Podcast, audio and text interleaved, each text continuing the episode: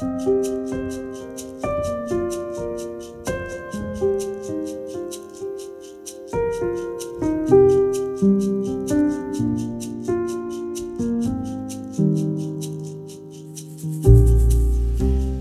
har sommeren din vært?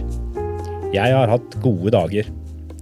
For det meste har jeg tilfeldigvis klart å holde meg et godt stykke unna både ekstremvarme og ekstremregn med flom. Men disse nokså uvanlige hendelsene har likevel kommet såpass nær at jeg har kjent på noe av dette som kalles for klimafrykt. Noen sier klimaangst, men angst er noe annet. Angst er når kilden til redsel og bekymring er udefinerbar eller ukjent. Frykten er mer konkret. Men den kan være tung å forholde seg til likevel. Kreftene som er i sving, er så tilsynelatende ukontrollerbare, og skyldfølelsen sniker seg inn, de stadige tegnene som tyder på at vi og våre foreldre, besteforeldre og oldeforeldre må ta en betydelig del av ansvaret for det som nå skjer. Jeg har brukt ledige stunder i ferien til å skrive, men jeg øvde meg på å bruke færre ord. Jeg ville se om jeg klarte å presse mening inn i små stubber. Noen av disse stubbene får du kanskje høre som egne innslag fra Petro-presten i høst. En av stubbene som ble til, handler om jordas miljø. Jeg har kalt det for sykemeldt jord. Jordas feber sterkt forverret, hun skal ikke på jobb de neste to ukene i første omgang, skrev legen i sykemeldingen. Jorda klarer seg alltid, fortsatte legen, men har varslet Helsetilsynet om arbeidsmiljøet. Presset har vært for stort, for lenge. Våre varsler er ikke hørt. Nødvendig nå å stenge ned virksomheten til tiltak er iverksatt, avsluttet legen. Vi finner et annet vertshus for festene, svarte gjestene. Alltid en planet B. Alltid mer mellom himmel og jord enn klimaforskere forstår. Jeg er først og fremst prest, teolog og ordbruker. Når det gjelder kompleksiteten i skaperverket og de politiske løsningene på klimakrisen, må jeg lene meg på andre som kan mer enn meg men jeg kan si noe om mitt eget fagområde. Jeg er overbevist om at det åndelige og det materielle henger sammen, og alt har sitt utgangspunkt i Bibelens første sider, der Gud skapte himmel og jord og satte mennesket til å forvalte det han hadde skapt. I Første Mosebok kapittel én står det, og Gud skapte mennesket i sitt bilde, i Guds bilde skapte han det, som mann og kvinne skapte han dem.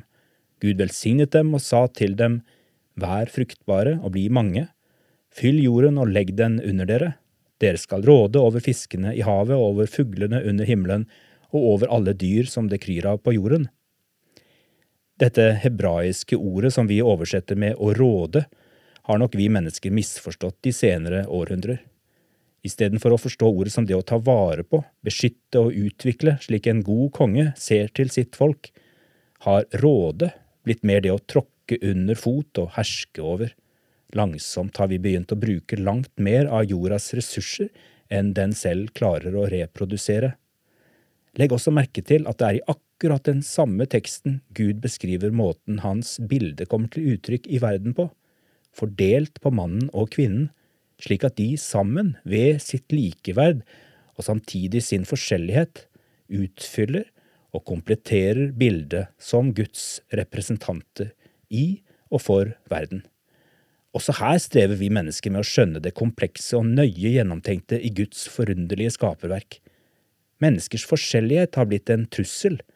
Menneskelig samfunn er blitt en kamp om makt og ressurser som et nullsumspill, der det alltid er vinnere og tapere.